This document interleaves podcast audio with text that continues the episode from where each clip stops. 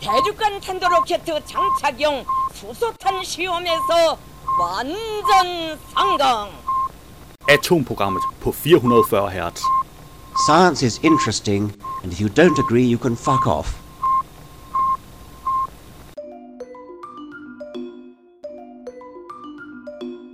Mit navn er Flemming Håkær Solsen, og du lytter til Atomprogrammet. I dag, der har vi selvfølgelig lidt podcast, vi skal høre lidt bidder fra. Der er en helt ny podcast fra videnskab.dk. Den er i tre dele, og første del er kommet i den her uge og hedder Sund Formidling. Der er også et nyt afsnit af videnskab.dk's Brainstorm, ligesom der er endnu et nyt afsnit af Science Stories. Men der er selvfølgelig også nogle helt almindelige nyheder. 16 år gammel kosmisk mysterie løst. Vildt fund under lavaaske, skoldet ihjel for 2000 år siden. Og så er der et ikonisk radioteleskop, lukker og slukker. Det er det der kæmpe store, virkelig store teleskop. Det ligner nærmest en bjergdal. Jeg tror, det er bygget i en bjergdal. Øhm, og hvad har jeg mere? Jeg har også her, forskere har taget universets temperatur, og stik mod forventning bliver det varmere. Og så har jeg hjerteskærende tab, forsvundet for 20 år siden, først opdaget nu. Og det er ugens nyhed. Men jeg har sandelig også til jul står planeterne på en super sjælden måde, som ikke er set i 800 år. Ja, og nu ved jeg godt, du tænker, åh, og så skal du sige det nu, ikke også? Vi er ikke engang gået ind i december, det har vi noget at glemme til jul. Jeg har lige lavet et lille notat om, at jeg skal huske at have den med igen hen omkring jul, så du har en chance for at huske det. Og så slutter vi selvfølgelig det hele af med ugens nyhedsopdatering fra NASA.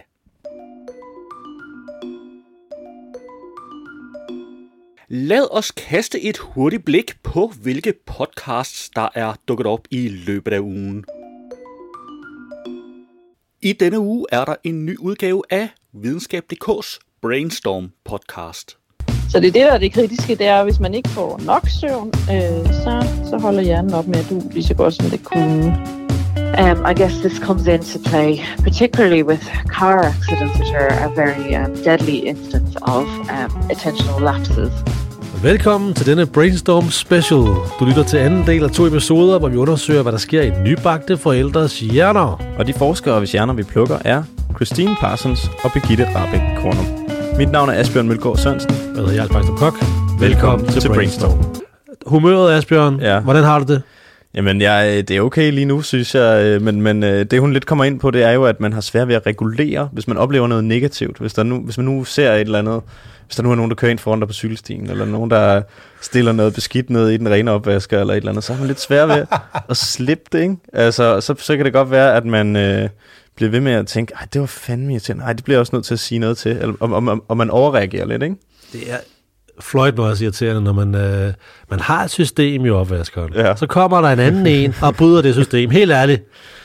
Altså, bestikket skal vende opad. Ja. Ikke nedad jo. Ja, men Sådan po- sådan det. pointen er, at man måske på en, en dag, hvor man havde sovet godt, ikke? Så, så vil man måske sige, nå ja, okay, den tager jeg lige op igen. Men på en dag, hvor man har sovet dårligt, så...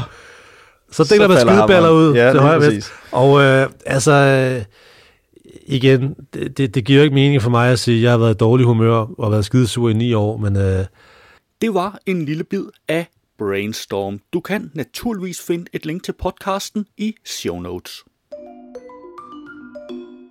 I denne uge er der også en ny udgave af Videnskab.dk's podcast. Ida, hvorfor er der egentlig så meget dårlig sundhedsformidling derude? Ja, godt spørgsmål. Jeg tror egentlig, øh, vi har jo nok før gået til vores læge og hævet en flyer ned i lægens venteværelse. Nu går vi på internettet. Og det betyder jo, at efterspørgselen er stor. Så er der jo også rigtig mange, der jeg kan man sige, gerne vil være med og give svar på det. Så jeg tror egentlig bare, at der er meget sundhedsinformation. Og derfor er det blevet endnu sværere sådan at skelne mellem, hvad der egentlig er det gode og hvad der er det dårlige. Og det er jo lige præcis det, den her podcast vil rette op på. Velkommen til Sund Formidling. Hvad kunne være en alternativ forklaring på det, jeg oplever? Hvis ikke man stiller sig det spørgsmål, så vil ens fortolkning sandsynligvis være farvet af de trends, der er ude i samfundet på nuværende tidspunkt. Ergo har man overhovedet ikke gået kritisk til værks, men har tænkt, jeg får det nok bedre af at spise mindre sukker, og, eller når jeg spiser mindre sukker og mærker, at jeg har fået det bedre, så er det nok sukkeret, fordi det har jeg jo fået at vide. Det er jo bare sådan, at du spiser sjældent bare mindre tilsat sukker, som at du tidligere havde en skål sukker, du, skål, du tømte dagligt, og nu gør du det ikke længere. Du spiser sandsynligvis anderledes. Du spiser noget andet mad, du spiser måske mindre mad, måske har du lavet mange andre kostændringer, og rigtig ofte, når folk de gør det, så ændrer de også alle mulige andre vaner på det tidspunkt. Så det er den ene del. Er det rent faktisk sket, tilbage til det, jeg talte om tidligere, er der rent faktisk sket en bedring? Øhm, er, er jo lige så relevant, for det er ikke sikkert. Man kan også godt få en placebo-bedring af at sige, nu gør jeg noget godt for mig selv. Det ved vi fra interventionsstudier, hvor folk skal ind og have øh, kostomlægning for eksempel, at der får de det faktisk livskvalitetsmæssigt bedre i en periode, alene fordi de føler, at nu er de i gang med noget, nu sker der et eller andet. Det var en lille smagsprøve på videnskab.dk's podcast, og du kan naturligvis finde et link i show notes. I denne uge er der også en ny udgave af Science Stories podcasten. De fleste af os går rundt med lidt ekstra sug på sidebenene og vil gerne tabe os 5 kilo. Når man forsøger at smide de ekstra kilo, finder man ud af, at det er slet ikke så svært endda. Men det er kun på kort sigt. På længere sigt, til næste jul, så sidder de 5 kilo der igen. For at finde ud af, hvordan det kan være, har jeg sat professor emeritus Torgild I.A. Sørensen i stævne i Botanisk Have, hvor vi uden fare kan tale i den friske SARS-CoV-2 fri luft. Jeg hedder Jens Deget, og dette er Science Stories. Men der er, Men... Vel, også, der er vel også folk, der, der ændrer livsstil, eller for eksempel bliver ældre og går i overgangsalderen og sådan nogle ting, som gør, at deres krop bruger færre kalorier, øh, og de på den måde øh, begynder at blive overvægtige, for eksempel. Ja, altså den, den er jeg helt bekendt med, og det er den tankegang, den går jo tilbage til det der med, at man spiser for meget i forhold til, hvor meget man har brug for. Og jeg er også i den henseende ganske skeptisk over for, hvorvidt den forklaring passer. Og det giver mig anledning til at pege på en anden ting, som vi lige kort var inde på tidligere. Det er nemlig en, et simpelt regnestykke af, hvor meget er det overskud, der lægges ind i fedtvævet i forhold til kroppens samlede kaloriebehov. Og det regnestykke til alles forbløffelse, det ender altid med, at hvis man ser på over en længere årrække, og blandt andet det, som du nævner, at man kommer op i årene, en, en længere årrække, hvor meget ekstra fedt er der så lagret i kroppen. Og det kan man måle nu om dagen. Det, det der så sker, det er, at øh, man kan om, omregne fedtet til kalorier. Fordi vi ved, hvor meget fedt. Det er 9 kalorier per gram, øh, og, og vi kan så sige, at der er så så mange kilo Øh, der har lagt på over den lange tidsperiode. Og der kan man så sige, hvor meget er det gennemsnitligt per dag? Og når man regner det ud, så ender det med, at det almindeligvis er under en halv procent af den samlede mad, man spiser på døgn. Under en halv procent, ofte endnu mindre. Det var en lille bid af Science Stories, og du kan naturligvis finde et link i show notes. Det var et overblik over ugens podcasts. På Ekstrabladet fandt jeg hjerteskærende tab forsvundet for 20 år siden. Først opdaget nu. På årsdagen for udgivelsen af naturforskeren Charles Darwins hovedværk Arternes oprindelse bekendtgjorde biblioteket på Cambridge University tirsdag, at to af hans notesbøger er forsvundet og har været det i to årtier. Notesbøgerne stammer fra tiden omkring Darwins skældsættende rejse med skibet HMS Beagle i 1837. De rummer notater og forstudier til hans evolutionsteori, som for altid har sikret ham en plads blandt de mest betydningsfulde forskere i verden. Bøgerne er uerstattelige, men der er ikke blevet passet specielt godt på dem, må man konstatere. De har været opbevaret i en kraftig papæske, betrukket med lærred i et særligt lager i universitetets bibliotek, som rummer omkring 10 millioner kort, manuskripter og andre dokumenter. I november 2020 blev Nosesbøgerne sidst set, skriver BBC. Det skete, da de blev hivet frem af gemmerne for at blive affotograferet.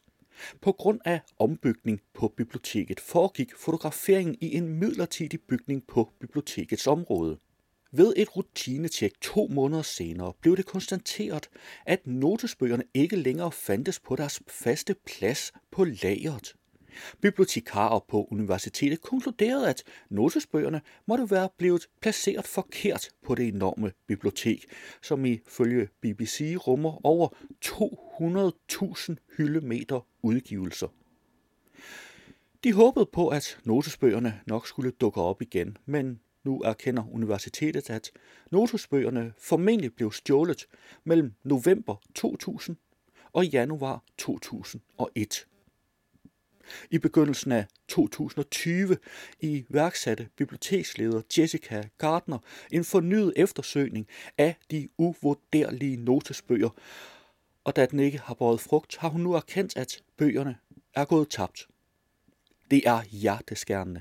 Vi vil vende enhver sten i forsøg på at finde ud af, hvad der er sket, siger Gardner, som tiltrådte sin stilling på biblioteket i 2017. En af notesbøgerne rummer en skitse til livets træ, som står centralt i Charles Darwins teori om evolution ved naturlig selektion. Over 20 år senere udgav han hovedværket Arternes oprindelse med en mere detaljeret udgave af træet. Arternes oprindelse blev udgivet 24. november 1859, og Jessica Gardner benyttede årsdagen tirsdag til at bekendtgøre tabet af de uerstattelige notesbøger, som hver især er på størrelse med et postkort. Bøgernes samlede indhold er for længst blevet digitaliseret og er således ikke tabt for eftertiden. Du kan naturligvis finde et link til artiklen i show notes. Lad os se på nogle af ugens nyheder. På videnskab.dk fandt jeg 16 år gammel kosmisk mysterie løst. Tilbage i 2004 opdagede nogle astronomer hos NASA et mystisk objekt ulig noget andet i Mælkevejen. En cirkulær, ultraviolet gassky med en stjerne i midten, som de døbte The Blue Ring Nebula, altså blå ringtoge. Sidenhen har flere jord- og rumbaserede teleskoper haft linserne rettet mod objektet, men uden at kunne knække gåden. Men i dag, 16 år og meget spekulation senere, mener forskere fra NASA endelig, at de har luret, hvad objektet er, skriver Rumfartsagenturet i en pressemeddelelse. Baseret på al den indsamlede data og de nyeste teorier, vurderes objektet at være resultatet af sammenstødet og fusioneringen af to stjerner for tusindvis af år siden. På Ekstrabladet fandt jeg vildt fund under lave aske, skoldet ihjel for 2000 år siden. Arkeologer har fundet resterne af to mænd, der blev skoldet ihjel af vulkanudbrud ved Pompeji i år 79. Og det er et helt særligt fund. De to mænd er nemlig usædvanligt godt velbevaret, selvom det er knap 2000 år siden, at den antikke romerske by blev ødelagt. Det tyder på, at fundene er en rig mand og hans mandlige slave, der ikke nåede at flygte fra Mount Vesuvius' udbrud. På videnskab.dk fandt jeg Farvel til Arecibo. Ikonisk radioteleskop lukker og slukker. Efter flere ugers usikkerhed er det blevet besluttet, at Arecibo-observatoriet ikke kan reddes og skal lukkes ned. Beslutningen kommer efter, at to af teleskopets støttekabler rev sig ud af deres sokler, så hele strukturen risikerer at kollapse. Observatoriets komplekse struktur gør det svært at lave nogle konkrete vurderinger. Ifølge Life Science er ingeniører på stedet bange for, at et reparationsforsøg i værste fald vil tilskynde kollapset, og at det ikke vil være muligt at sikre arbejdsmændenes sikkerhed. Teleskopet er kendt fra James Bond-filmen Golden Eye. På videnskab.dk fandt jeg, forskere har taget universets temperatur, og stik mod forventning bliver det varmere. Astronomer har hidtil ment, at universets temperatur gradvist falder i takt med, at det udvider sig med hele tiden større hastighed. Men det er forkert, peger et nyt studie i The Astrophysical Journal på. Forskerne har taget temperaturen på universet over de sidste 10 milliarder år og konkluderer, at gennemsnitstemperaturen på kosmisk gas er øget mere end 10 gange op til i dag, det skriver Science Alert. Når universet udvikler sig, trækker tyngdekraften mørk stof og gas sammen til galakser og galaksehåbe. Trækket er voldsomt, så voldsomt at mere og mere gas varmes op, forklarer første forfatter Yu Qianxiang, forskningsstipendiat ved Center for Cosmology and Astroparticle Physics på Ohio State University til Science Alert. På videnskab.dk fandt jeg, til jul står planeterne på en super sjælden måde, som ikke er set i 800 år.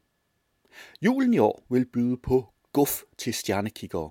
Jupiter og Saturn vil stå på linje, eller vil være i konjunktion, som det kaldes, fra 16. til 25. december. De to planeter vil være så tæt på hinanden på nattehimlen, at de for det blotte øje vil ligne en stærk lyskilde på natten, hvor de står tættest 21. december. Konjunktionen mellem disse to planeter er ret sjælden, og det sker kun hver 20. år eller deromkring, fortæller astronom Patrick Hartigan fra Rice University. Men denne konjunktion er særlig sjælden på grund af, hvor tæt på hinanden planeterne vil se ud til at være.